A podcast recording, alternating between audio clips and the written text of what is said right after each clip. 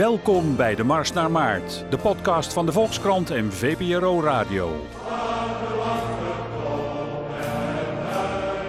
Pleur op, zou ik in plat Haag zeggen. Ja, ik doe eens normaal, man. Ik ben een andere leider en ik ben heel serieus over de noodzaak dat er wat verandert. Iedere regeerperiode opnieuw werd ons verandering beloofd, maar kregen we meer van hetzelfde. Het zijn allemaal uw plannen, niet die van het CDA, en ze liggen vast. We hebben die hele tuin op orde.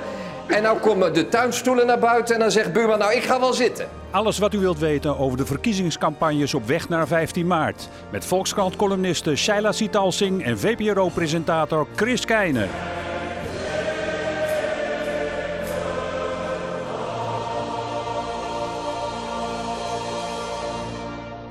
Ja, Shaila, goedemiddag. Dag, goedemiddag. Het is inmiddels uh, maandag 20 maart uh, en het is uh, sinds een uurtje ook officieel lente, nieuw begin. Zullen maar zeggen. Dus ja, nou, we, we, we, sluiten in ieder geval de mars naar maart hier af. Of we, of we een nieuwe podcast gaan maken of zo, dat, dat zien we allemaal nog wel. Maar voorlopig moeten we vandaag maar even, uh, nou, eerst, ja, eerst maar gewoon even de uitslag doornemen. Ik zat me uh, vanochtend uh, zat ik na te denken over dit gesprek en ehm, ik dacht, mijn, mijn eerste vraag aan jou is eigenlijk, wie is de winnaar? Want ik weet het gewoon niet. Ja, daar kun je op allerlei manieren naar kijken. Kijk, eigenlijk heeft de VVD natuurlijk niet gewonnen. Althans, ze zijn de grootste, maar ze hebben uh, ook zetels verloren, acht zetels. Ja. Um, ja, het, het, het, GroenLinks is uh, verdrievoudigd, uh, bijna verviervoudigd, nou verdrieënhalfvoudigd moet je geloof ik zeggen.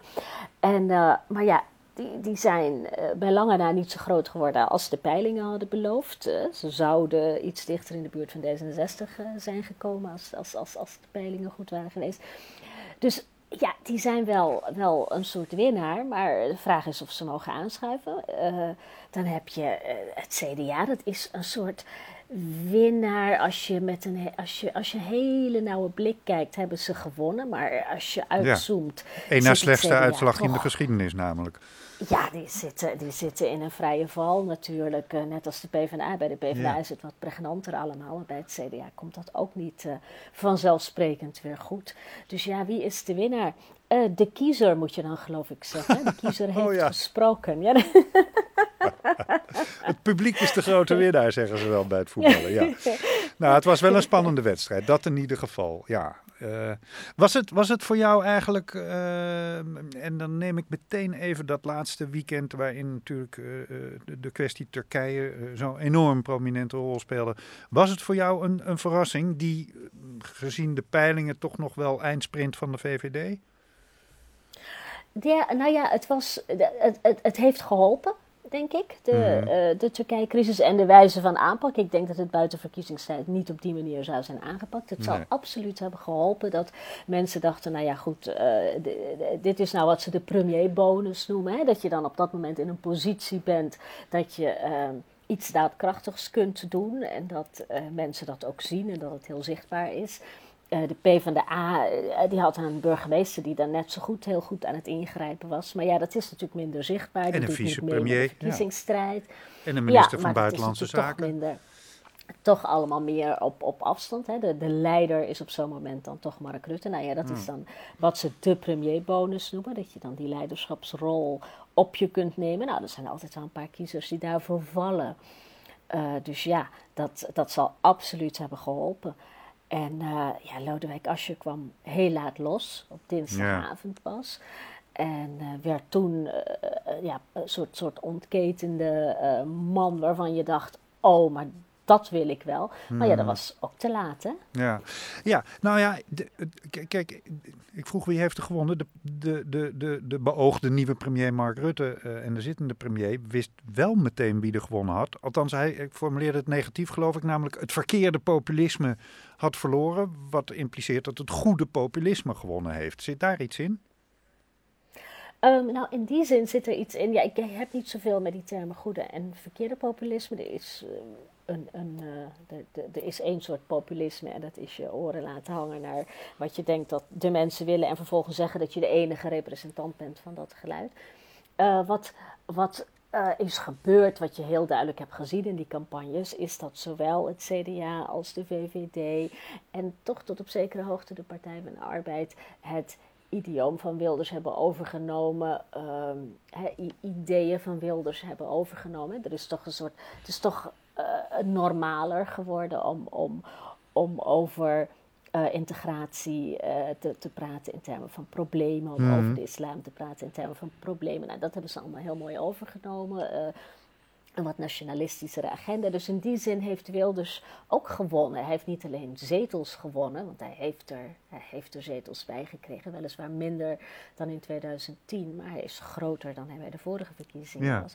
Maar Wilders heeft ook gewonnen doordat zijn gedachtegoed. Um, uh, is, is verspreid over een heleboel andere middenpartijen. Ja. Het hele midden is een stuk naar rechts opgeschoven in cultureel, uh, conservatief culturele zin en in nationalistische zin. En dat is winst voor Wilders. Nog Nou los ja. van die twee zetels voor Thierry Baudet, die er ook nog bij zijn gekomen. Precies, daar komen, daar komen we nog wel even op, denk ik, op Thierry. Maar, um, want dat hele frame was natuurlijk, uh, het populisme is nu een halt toegeroepen en, enzovoort, enzovoort. Ik vond eerlijk gezegd, ik heb Wilders in tijden niet zo ontspannen zien reageren als uh, na deze verkiezingsuitslag. Ik had heel sterk het vermoeden, dit is precies wat hij gewild heeft. Tweede partij, hij kan vanaf de zijlijn in de gaten blijven houden of uh, VVD en CDA die het verst in zijn richting zijn opgeschoven.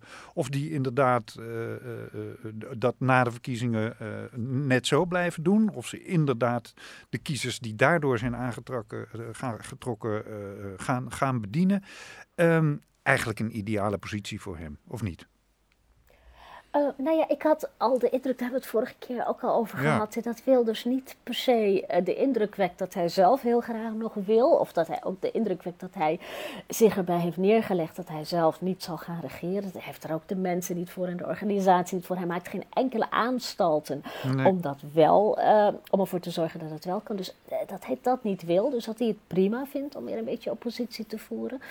Hij, hij heeft ook in de Telegraaf vorige week gezegd van nou, dat doe ik nog een tijdje, een jaar of acht of zo. Hij heeft er ook echt een soort termijn opgeplakt. Dus alsof hij er ook wel een beetje klaar mee is.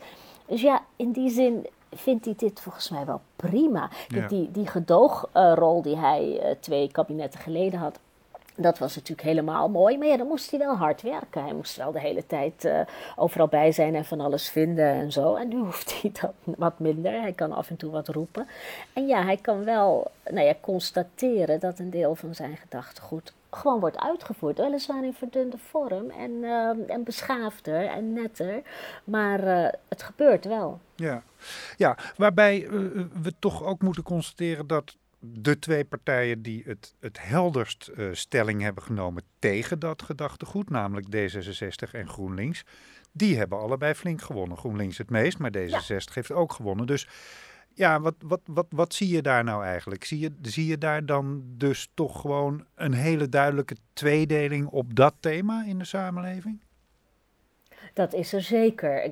Dus, dus overtuigende winst aan de, aan de zijde van D66 GroenLinks. En dat, dat zou je hè, lang, langs de as open gesloten zijn. Ja. Dat de partijen die zijn voor open en voor Europese samenwerking. Ja. En nou ja, van, voor nog wat van die dingen waar uh, uh, van, van wordt gegruweld uh, aan de zijde van de mensen die voor een wat geslotenere samenleving zijn. CDA, VVD zitten inderdaad toch iets meer in die richting van nou ja, iets, iets grenzen, grenzen wat dichter en wat voorzichtiger. Hoewel de VVD daar ook heel tweeslachtig in staat. Hoor. Precies. Want... Ze zijn wel voor de handel en, en ze zijn wel voor ze zijn wel degelijk voor Europese integratie. Ze dragen het niet nee, uit als een geloofsartikel. ja, D66 maakt er echt een geloofsartikel van ja. en een, een, principe van. En de VVD maakt er een praktische zaak van. Van ja, het is ontzettend handig voor de handel. Ja. Uh, maar goed, de, de, de uitkomst is wel min of meer hetzelfde. Dus in die zin, ja, mensen hebben, hebben uh, verschillend gekozen. Uh, maar het is niet onverenigbaar, denk ik. Als je gaat kijken naar uh, niet alleen de verkiezingsprogramma's, maar ook naar de persoonlijkheden van de mensen die nu om tafel zitten um, of om tafel gaan zitten. VVD, CDA, D66 met nog een vierde partij, en dat zou GroenLinks kunnen zijn, maar dat zou net zo goed de ChristenUnie kunnen zijn. Ja. Daar is wel uit te komen hoor. Dat zijn geen onoverbrugbare verschillen. Dat is niet dat daar een enorme kloof doorheen loopt van god, hoe moet dat nou verder? Nee. Ik, ik denk dat dat heel pragmatisch op te lossen is allemaal. Ja. En dan, ik zeg het al pragmatisch, dan krijg je straks dus allemaal teleurgestelde kiezers, want ehm, eh, er zal hier en daar een principetje sneuvelen. Maar er is wel, hier is wel iets van te maken. Ja, maar eh, hier en daar een principetje sneuvelen. ehm, misschien dat ik het verkeerd zie, maar als de Partij van de Arbeid ergens op afgerekend is, althans nu in deze verkiezingen, dan, dan is het toch ook wel op die regeringsdeelname. Is, is dat niet een, gewoon een veel te groot risico voor GroenLinks om te nemen? Het is heel erg riskant. Iedereen die met Mark Rutte regeert, die moet dat bekopen. Dat heeft voor het CDA gegolden in 2010. Ja. En ook voor de PVV trouwens, die, eh, in die gedoogconstructie. Het heeft nu voor de, voor de Partij van de Arbeid gegolden. En ja, als je gaat vragen bij VVD'ers van waarom worden jullie nooit ergens op afgerekend, dan krijg je van die antwoorden van ja, onze achterban is veel pragmatischer en we staan wat lichter in het leven en we hechten er allemaal niet zo vreselijk aan als het een keer eh, niet helemaal goed gaat. Aan de andere kant ehm, kan de VVD-achterban hysterisch worden als je het woord milieubelasting in de mond neemt. Dus dat, dat, dat zou ook nog wel eens aan VVD-zijde pijn kunnen opleveren hoor. Als GroenLinks nou zorgt dat hij zijn huid heel duur verkoopt. Kunnen ze dat, Dat, eh, in deze constellatie? Eh, nou, de, de VVD probeert heel erg de indruk te wekken dat ze een- uit enorm veel partners kunnen kiezen. Ik gaf Halbe Zijlstra, die begon gisteren al over, oh, maar de PvdA kan ook gewoon aanschuiven. Nou, dat heeft Lodewijk Asscher al meteen de kop ingedrukt. En Ja. zegt, we zijn op geen enkele wijze Nee, aan zet. En get real, we gaan het beslist niet aanschuiven. Ja, voor de VVD is het natuurlijk prettig om de indruk te wekken dat je met zoveel mogelijk mensen eh, combinaties kunt maken, dan, dan kun je ze tegen elkaar uitspelen. Maar het meest realistisch is om te veronderstellen dat naast dat wat al het motorblok is gaan heten van D66, CDA, VVD, dat je dan of GroenLinks of ChristenUnie kunt kiezen. En die, weet je, die gaan zich, ja, die, die, die, die moeten ervoor zorgen dat ze zich niet tegen elkaar laten uitspelen.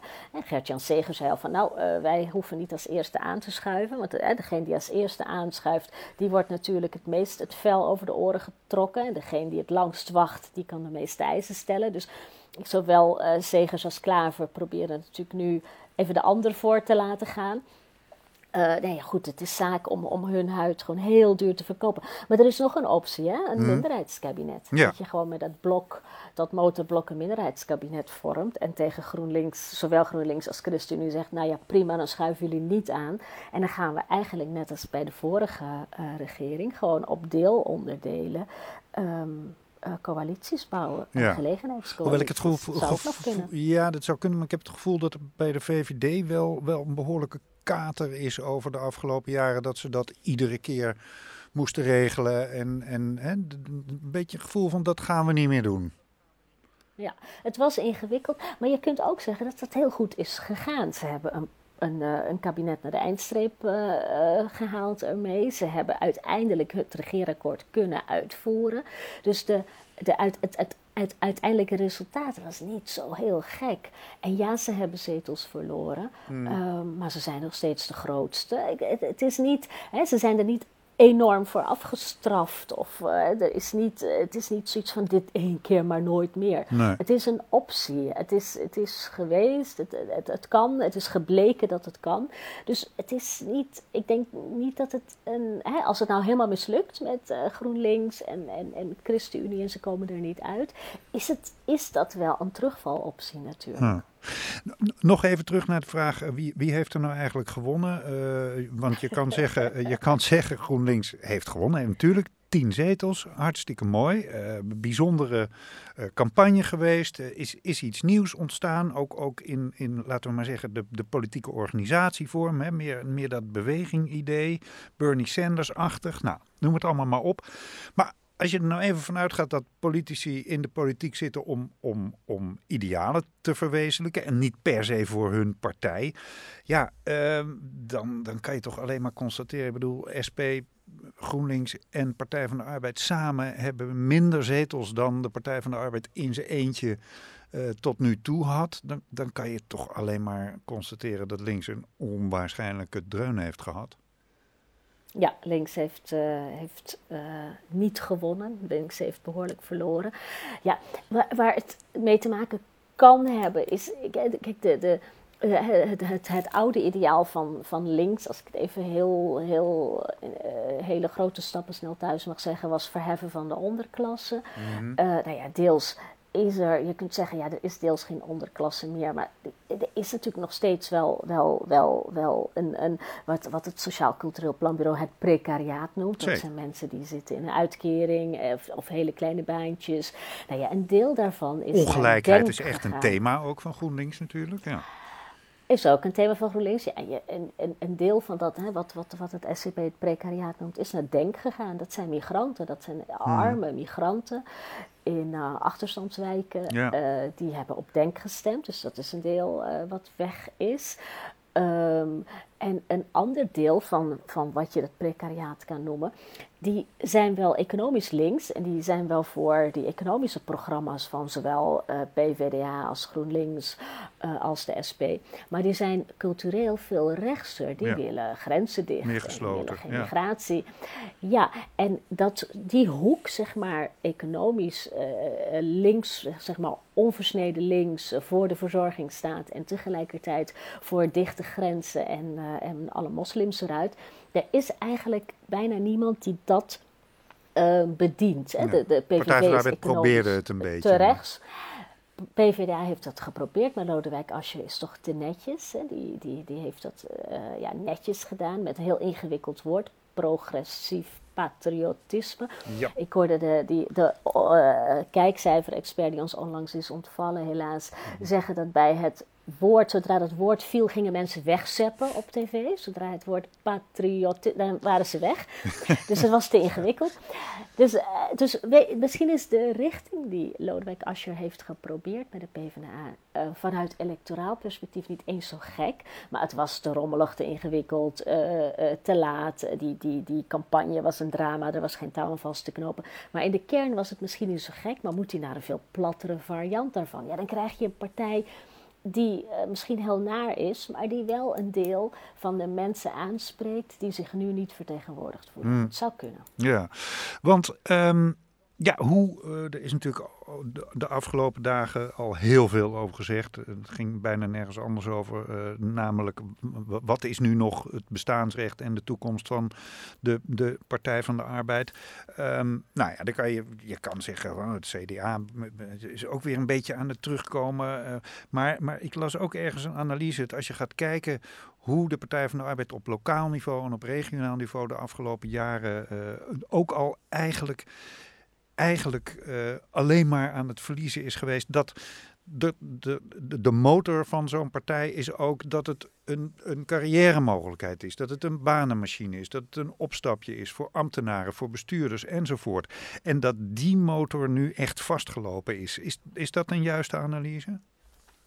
Oh ja, het is heel bijzonder. Als je zowel naar het CDA, want ik, ik wil het CDA ook nadrukkelijk meenemen in, in, in ja, deze redeneertrand. Want met CDA gaat het ook heel slecht. Hè? Dat was een partij die had in de jaren 80 54 zetels. Mm -hmm. nou, die zijn nu blij als ze er 20 halen. Ze nou. zat in 2010 21 zetels. Dat was een enorme nederlaag. Nu hebben ze er 19 en er wordt hysterisch gedaan alsof ze enorme winst hebben gemaakt. Niet. En zowel CDA als PvdA, de oude bestuurderspartijen, die zijn uh, allebei achterban aan het verliezen. En dat heeft te maken met de ontzuiling en nou ja, uh, verandering van de samenleving enzovoort enzovoort. Uh, maar die leveren met z'n tweetjes samen met de VVD zo ongeveer alle burgemeesters in Nederland. Hè. Nederland telt nu 388 gemeenten. Nou, ongeveer een derde daarvan zijn CDA-burgemeesters. Uh, ongeveer een derde VVD-burgemeesters en iets minder dan een derde PVDA-burgemeesters. Uh, uh, topambtenaren, PVDA, CDA of VVD, alle zeg maar, bestuurlijke banen in Nederland worden nog verdeeld onder die drie partijen. Nou, dat is natuurlijk niet meer uh, vol te houden als die partijen nauwelijks nog electorale basis hebben. Of in elk geval een electorale basis die niet veel uh, groter is of zelfs kleiner is dan dat van D66 of de PVV nee. of, uh, of GroenLinks. dus dat, dat, dat, dat is nog een erfenis uit de tijd dat deze partijen het land runden. Hè. We, we rule this country, eh, zei het CDA vroeger. Uh, dat, dat, dat is een aflopende zaak en dat zal gevolgen hebben voor de representatie op allerlei bestuursfuncties van deze partijen, met name uh, PvdA, CDA. VVD kan voorlopig nog wel doorgaan met burgemeesters benoemen, want die leveren nu ook de premier.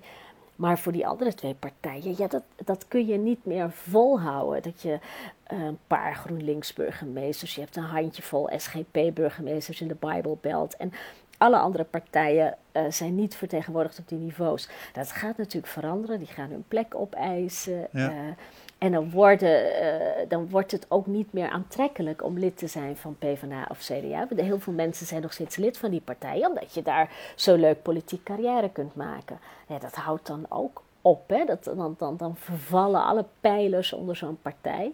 En dan wordt het ook minder aantrekkelijk om lid te zijn. Ja. Uh, minder aantrekkelijk om, om, om je daar echt aan te verbinden.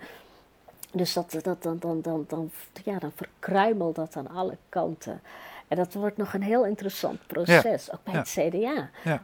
Het, het, CDA bijvoorbeeld is, zit nog met al zijn tentakels in een organisatie als VNO-NCW, de, de, de lobbyclub van bedrijven. Mm -hmm. Als je naar die Bilderberg-conferenties gaat, die VNO-NCW elk jaar doet, nou, dat is volledig CDA-top. Daar loopt Balken en de Verhagen, daar loopt iedereen rond.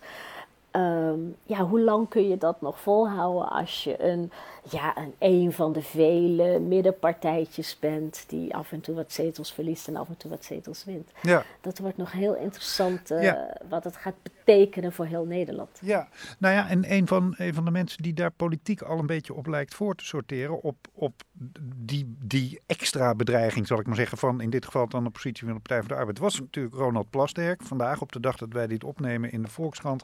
Met een pleidooi voor de Partij van de Arbeid om nu alvast in de Kamer op te gaan. Uh, samen in één fractie met, uh, met GroenLinks. Hè, dit is het moment, want een van de grote dingen die er fout is gegaan deze campagne is dat links elkaar heeft bestreden. En uh, de teluitje winst, daar zitten we te kijken naar de rokende puinhoop. Um, Zie, zie je daar iets in? Of, of is dit iets wat er altijd gebeurt, namelijk de linkse partij waar het het slechtst mee gaat, die wil opeens samenwerken met de anderen? Ja, ik moest ontzettend lachen toen ik het las. Die, linkse samenwerking die bestaat al zolang als er linkse partijen zijn, zeg maar. Die wens tot linkse samenwerking, maar die leidt nooit ergens toe. En het is inderdaad altijd hè, degene die dan helemaal onderop ligt. Die denkt, nou ja, weet je, als ik dan misschien fuseer, heb ik misschien nog wat te vertellen. Nou, Lodewijk Asscher, die een zeer beheerst twitteraar is, hij stuurt er geloof ik één tweet per dag uit heeft meteen getwitterd, gaan we niet doen. Ik heb die paar kiezers die ik nog heb, die ga ik het niet aandoen om nu meteen weer uh, uh, ze in een andere partij onder te brengen.